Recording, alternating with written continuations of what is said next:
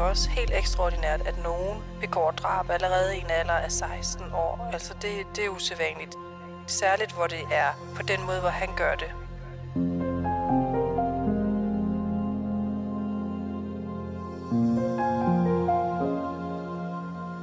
Hvorfor ender nogen af os som drabsmænd? Hvad driver dem, der begår så ekstreme handlinger? Hvem er de mennesker, og kan man spotte dem?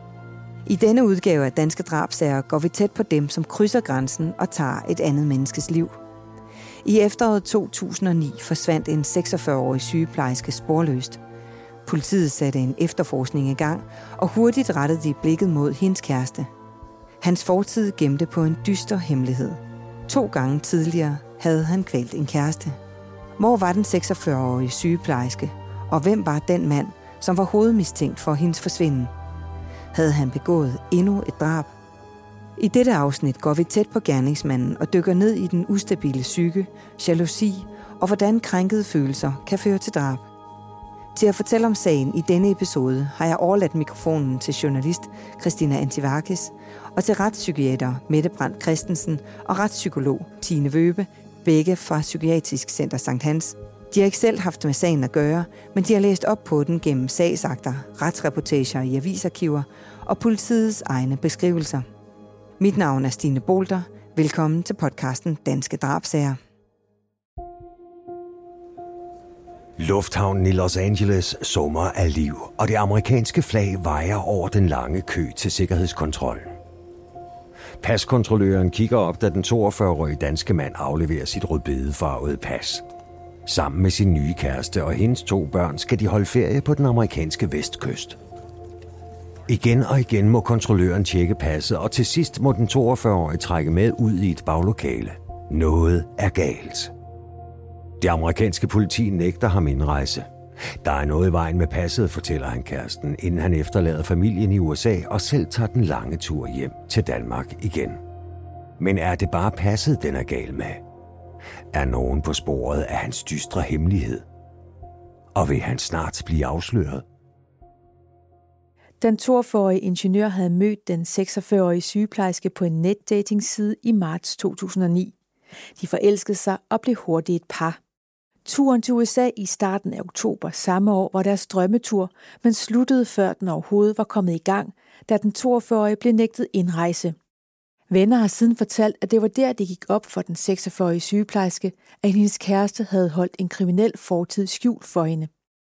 De fortæller også, at hun vil slå op med ham, når hun og børnene kom hjem fra Kalifornien. Hvad der præcis skete, er aldrig blevet kortlagt, men seks dage efter hun var tilbage i Danmark, blev hun meldt savnet af sin familie. Retspsykiater Mette Brand Christensen har sat sig ind i sagen. I en dansk kontekst er det en helt usædvanlig sag, at man øh, slår formentlig tre øh, samlever eller kærester ihjel.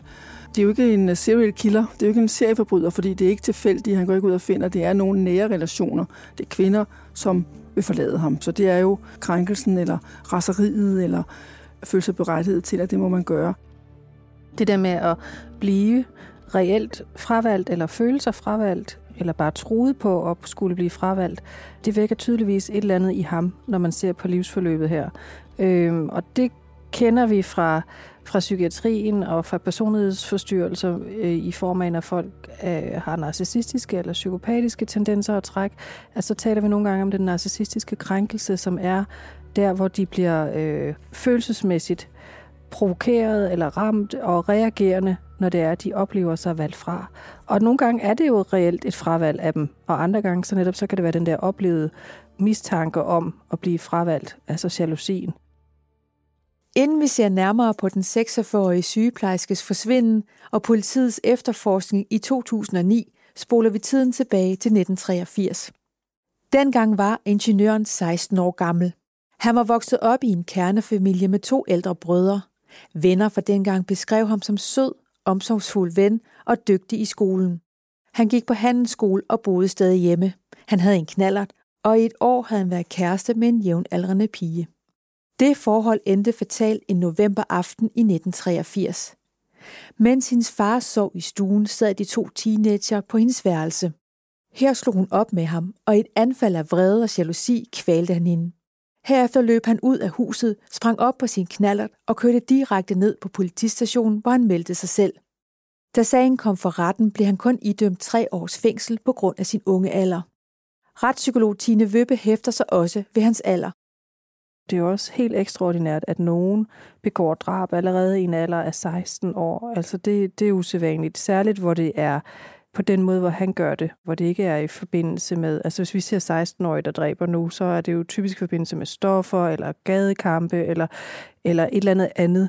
Øh, men, men her er det, hvor han slår kæresten ihjel, mens at, at øh, hendes forældre er til stede i huset, og han, altså på en eller anden måde, så er der noget planlagt over det, selvom der kan være impulsivitet også, altså så, så er der et eller andet sådan mere planlagt, end når folk bliver øh, fulde eller påvirket af stoffer, og så i den rus kommer til at begå noget voldsomt. Det er helt rigtigt, hvad Tine siger. Det er de øh, almindelige grunde, men der er nogle enkelte, hvor de er så svært psykopatisk forstyrret, at de allerede i så ungen alder føler sig berettiget eller nødt til at slå ihjel. Og så det er også af de nærmeste. Det er de, de nære relationer, og det er jo nogen, der vil slå op med ham, de vil vrage ham, de vil ikke være sammen med ham mere, i hvert fald, så vidt de her oplysninger er. Og når man er 16, så er den en kritisk periode af ens udvikling, af ens personlighedsmæssige udvikling. Det der er sådan, at altså, hormonerne farer rundt, og personlighedsstrukturen og ens sådan, oplevelse af egen identitet bliver formet i de år. Så det er i forvejen lidt en kaotisk periode for langt de fleste. Men, men det er jo også øh, utrolig forrådet at begå den type kriminalitet, altså drab på den måde, som han gør, hvor det ikke er i en kontekst af stoffer, alkohol eller bandekriminalitet eller et eller andet andet, eller en slåskamp. Øh, ikke at det skal undskylde andre typer af drab med, i den aldersgruppe, men det er altså usædvanligt at slå en kæreste ihjel i den øh, alder. Så helt kort, hvad er det for et billede, der tegner sig af den 16-årige, der melder sig selv? Det er en 16-årig, som vil væk fra det, der er sket. Måske også væk fra farens straf. Jeg kunne forestille mig, at faren sidder ved siden af. Han vil væk fra, at familien er lige i, i, i huset også, og øh, han kan risikere alle mulige former for sanktioner fra familien. Lad mig komme ud af døren og ned til politiet. De vil det mindste være professionelle. Det er ren hypotese, men det kunne være en mulighed. Musikken er høj, og de mange unge glade mennesker danser på diskoteket Downstairs i Herning. Men med et vender stemningen. En ung mand hisser sig op og råber, fordi kæresten taler med en anden mand. Det hele ender i kaos, og den jaloux mand bliver smidt ud af diskoteket. Den unge kvinde, trekantsdramaet handler om, er bange. Hun har opdaget en mørk hemmelighed, kæresten har gemt på, og nu er hun bange for, hvad han vil gøre ved hende. Klokken er 03.30, da hun forlader diskoteket med sine søstre. De vil hjem, men udenfor venter den jaloux kæreste. Kvinden sætter i løb, og det er sidste gang, hendes søstre ser hende i live. Den lørdag aften i september 1990 var den unge mand nu 23 år gammel. Han var i byen med sin 21-årige kæreste, da det hele endte i kaos, og han jagtede hende ned ad gaden. Et par timer senere fik en beboer i Sjællandsgade i Herning sit livs chok, da han skulle parkere sin bil i garagen. Her fandt han nemlig livet af den unge kvinde, som var blevet kvalt med et redskab hårdt presset mod hendes hals. Politiet efterlyste hurtigt hendes kæreste og et døgn efter blev han anholdt ved den dansk-tyske grænse. Denne gang blev den unge mand idømt anbringelse på et retspsykiatrisk hospital. En mentalerklæring vurderede ham sindssyg i gerningsøjeblikket, og dermed var han ikke egnet til at afzone i et fængsel. Mette, du er retspsykiater. I mentalerklæringen der står der også, at han ofte er påvirket af alkohol. Kan du ikke lige forklare, hvilken betydning alkohol har for en person, som er udadreagerende og måske er psykisk sårbar? det kan sagtens betyde noget, for han bliver mere øh, impulsiv, mere impulsforstyrret, gør ting øh, uden at tænke over det. Det er en meget en velkendt sammenhæng, at, at så vold, alkohol og vold hænger sammen. Vi ser nogle gange, at øh, man bruger alkohol og andre rusmidler for at dæmpe symptomerne på en begyndende psykisk lidelse. Det kan være angst, som jo ikke er psykotisk, det kan være tvangssygdom, det kan være skizofreni, det kan være manodepressiv sygdom. Og det, er jo, det virker også udmærket. Det er jo beroligende at bruge alkohol, i hvert fald i starten. Tine, som retspsykolog, kan du så ikke lige forklare, om det siger noget om ham som gerningsperson, at han kvæler sine ofre og ikke stikker dem ned med en kniv eller vælger en tredje løsning? Altså, jeg tror nok, at man sådan, når man, når man forsker i drabsmetoder, vil tale om, at det med at kvæle er, har sådan en, et, en særlig grad af aggressivitet i sig, og det er på, på samme måde jo ikke noget, der kan henføres til at være lige så impulsivt, som at, at man var op og skændes, og man blev grebet af øh, situationen og kom i sin følelsesmagt, og så lå der en kniv, og så, så uden at man øh, nåede at gennemtænke det, så havde man fået stukket, og så, så dør vedkommende. Det at, at kvæle og kværke et andet menneske tager tid, og man skal jo ligesom blive ved, så, og netop den her med også måske at have øjenkontakt med offeret, altså, så man vil jo tænke og tale om en, en særlig både sådan vilje til at gennemføre handlingen, og dermed også en særlig type af aggressivitet i handlingen. Ja, jeg er helt enig i, at kvæle det er en særlig måde at slå ihjel på, netop fordi det tager de der 3-4 minutter, før vedkommende dør. Så der er man besluttet på, at det skal ske, og man fortsætter. Og øh, det er jo helt klart hans måde, eller modus, som man kalder det også i sådan en fagsprog. Og netop med kniv, det er jo meget mere nogle gange lidt et uheld. Man har kniven, og et stik det rigtige sted kan jo medføre døden. Så det er en, øh, det er en meget øh, beslutsom måde at slå ihjel på. Med de mennesker, I har mødt, der, der slår ihjel på den her måde, kan I sige sådan en generel ting om de mennesker? De er jo typisk stærkere end offeret, fordi du skal kunne fastholde både personen nede, og du skal kunne fastholde grebet om halsen. Så det vil ofte være mænd, der kvæler kvinder. Eller nogen, der kvæler egne børn. Ja, og det er så med pude som regel. Det er ikke med hænderne. De ser dem ikke i øjnene. Egne børn. I 2005, 15 år efter drabet i Herning, blev den nu 38-årige udskrevet fra det retspsykiatriske hospital. Han blev vurderet rask nok til at kunne blive en del af samfundet igen.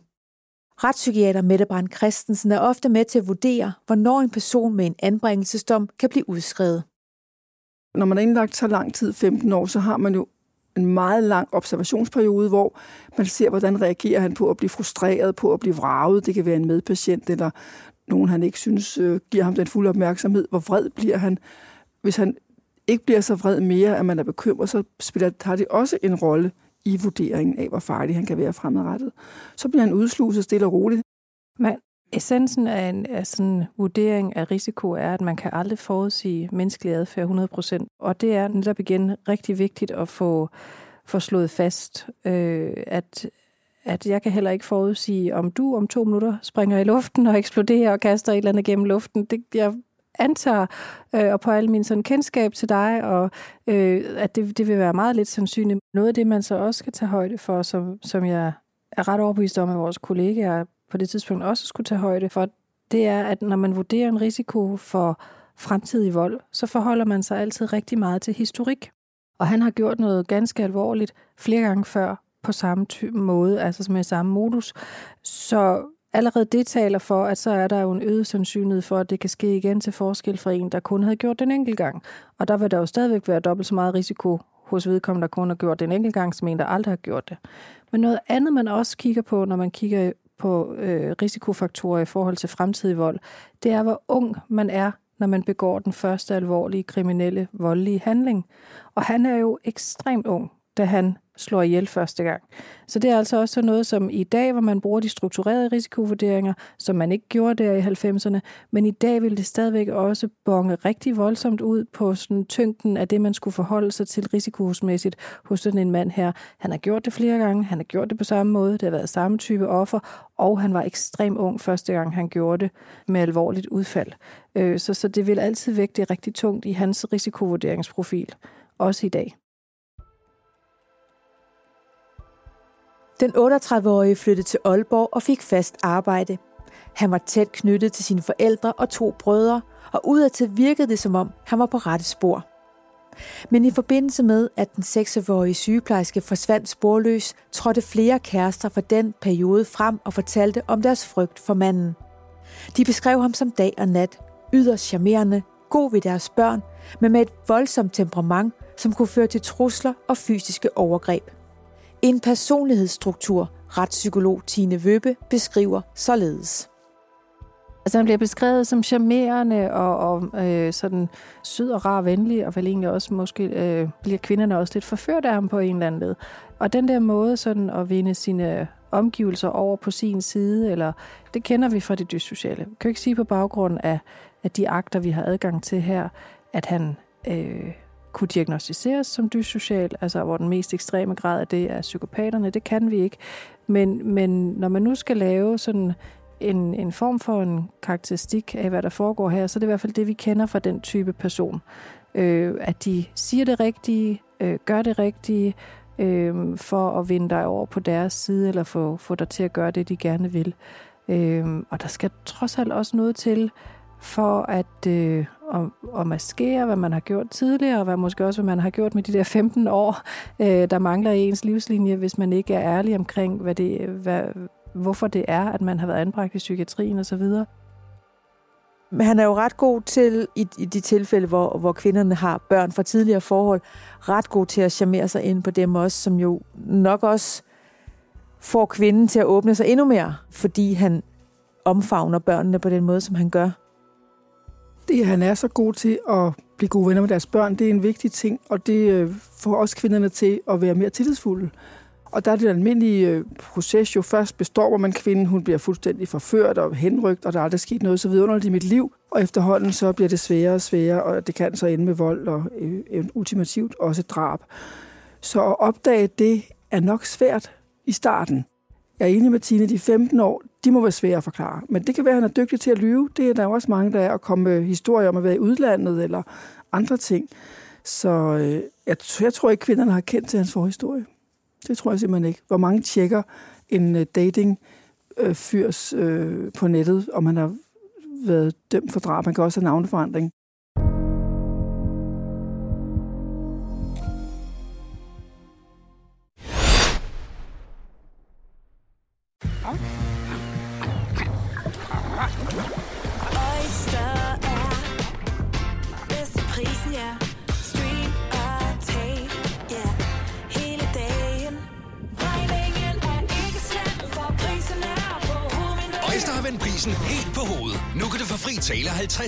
50 GB data for kun 66 kroner de første 6 måneder. Øjster, det er bedst til prisen. Netto fejrer fødselsdag med blandt andet 200 gram bakkedal 10 kroner, 10 e-lykke skrabeæg 12 kroner. Gælder til og med fredag den 15. marts.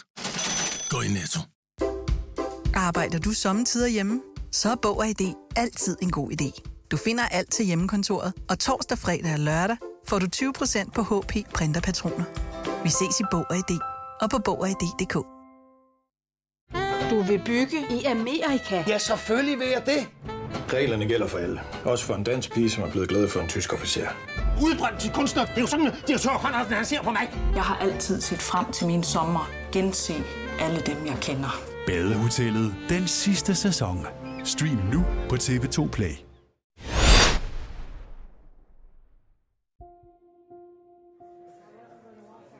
Konfirmanden rækker hånden ud for at hilse på sin onkels nye kæreste. Året er 2009, og den nu 42-årige har mødt den fraskilte 46-årige sygeplejerske og mor til to på en netdatingside. De er hurtigt blevet en del af hinandens liv, og naturligvis er hun også med til at fejre nevøen. Hun lever i glad uvidenhed om sin nye kærestes makabre fortid, og ingen til konfirmationen eller andre familiefester advarer hende om hans voldsomme temperament og jalousi. Men en dag indhenter fortiden dem begge. Ingen ved, hvad der skete mellem den 42-årige mand og den 46-årige sygeplejerske, da hun efter 14 dages ferie i USA kom hjem igen. Venner fortalte som sagt senere, at hun ville gøre det forbi med kæresten, fordi hun var blevet bekendt med hans fortid. Faktum er, at hun havde en aftale med ham et par dage efter hjemkomsten, og at hun herefter forsvandt sporløs. Politiets efterforskning og granskning af diverse tele- og dataoplysninger kortlagde mandens færden i dagene efter hendes forsvinden. Han havde haft travlt med at køre rundt på Djursland, og overvågningsbilleder fra en tankstation viste ham i fuld gang med at gøre sin bil klinisk rent. Da politiet fik fat i bilen, og kriminalteknikerne undersøgte den nærmere, viste det sig, at der var hår fra sygeplejersken i bilens bagagerum.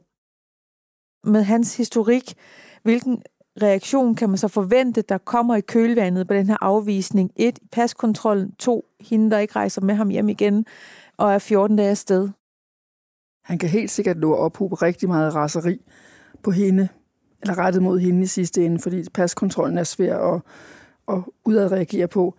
Så det, er, det, kan, det kunne godt være, at han er blevet så vred, så det er nærmest et planlagt drab, det her. Hvad der sker mellem dem, før hun ender med at dø, det ved vi jo ikke, men det kunne godt være, at hun var ved at lægge an til, at de skulle bryde med hinanden, og han planlægger, at det skal hun bare ikke slippe afsted med. Og øh, vi antager, at han har kvalt hende, og vi antager, at han har gjort klinisk rent, som der står, både i sit hus og sin bil, og hvor ellers hun formentlig har været. Sådan, så man ikke har rigtig nogen øh, af den slags spor at gå efter, og det når man så heller ikke, fordi da han bliver anholdt, så tager han livet af sig selv. Det sker også indimellem, at øh, med mennesker, også med personlighedsforstyrrelse, når det ligesom lukker sig om dem, øh, og nu er der sidste udvej, og der er ikke mere at gøre, nu sidder jeg her, og jeg får formentlig livstidsfængsel, eller anbringelse på bestemt tid igen, at så er det er løsningen at begå selvmord.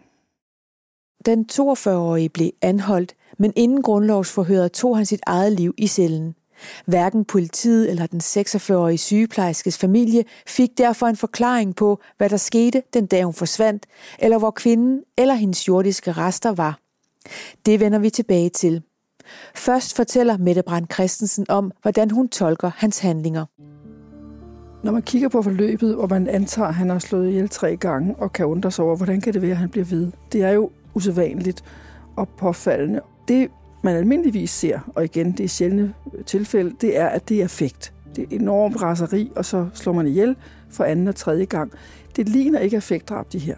I hvert fald ikke rigtig affektdrab. Han er utvivlsomt krænket og vred, og, men, men det er ikke sådan, at det er nu og her, og så slår han ihjel, og så var det overstået. Nej, det er et eller andet planlagt over det, så der er også noget, der ligesom ikke rigtig passer sammen i den, det mønster, vi plejer at se. Det, man, det, må man, det må man erkende med ham her. Og øh, derfor er det nok også ekstra overraskende, at han bliver ved og ved og gøre det samme. Jamen, det har jo løst udfordringen for ham. De gange, hvor han har enten dræbt øh, eller forsøgt at dræbe. Fordi det menneske, der var problematisk for ham, og som vagte nogle ubehagelige følelser i ham af krænkelse, er ikke mere. Helt tilbage til den ungdomskæresten, og så har der også været kvælningsforsøg, og så drab nummer to. Så, så når først han har fået gjort det, det her, så er vedkommende, som vagte de følelser i ham, jo væk. På en eller anden led, hvor, hvor, hvor fuldstændig firkantet det, øh, og groft karikeret det kan lyde, som så er problemet væk. Og det har han jo så haft. Jeg ved ikke, om ordet succes er, er helt sådan det rigtige her, men det har i hvert fald været en løsning, han er tydet til, og som har løst problemstillingen for ham. Og så er der så kommet en regning bagefter, som han så har skulle betale. Det er som om, han ikke kan konsekvensberegne. Han har jo prøvet det før. Hvorfor ikke stoppe? Hvad er det i hans psyke, der gør, at han glemmer konsekvensen af hans handling? Det er svært at vide, hvorfor han ikke kan konsekvensberegne. Det vil mange andre kunne. Det tror jeg ikke, vi kan komme med noget godt svar på, andet end at det, det må være så overvældende en krænkelse, at han, øh, han ikke kan leve med den. Han har jo ikke lært på noget tidspunkt at reagere anderledes heller. Nu ved vi ikke, om han har formentlig ud over øh, medicin i alle de år i psykiatrien, formentlig også fået noget terapi undervejs. Øh, men han har i hvert fald ikke lært øh, andre mestringsstrategier, når han bliver så frustreret og vred, end at gøre det, han plejer at gøre. Og det er jo det, sådan, altså både en, en straf og også en behandlingsdom og et behandlingsforløb jo gerne skulle medføre, at man lærer at tænke på en anden måde og reagere på en anden måde, hvis man står i en lignende situation en gang til. Vi ser lidt det samme ved stalking, at man bliver ved og ved på trods af, at man får en ny straf og en ny straf, men det er så stærk en drift, at man skal hævne sig, at, at man kan simpelthen ikke lade være. Måske kan man se det i det lys. Ja, og under alle omstændigheder, så, så er det, som vi har sagt flere gange, en ganske usædvanlig sag.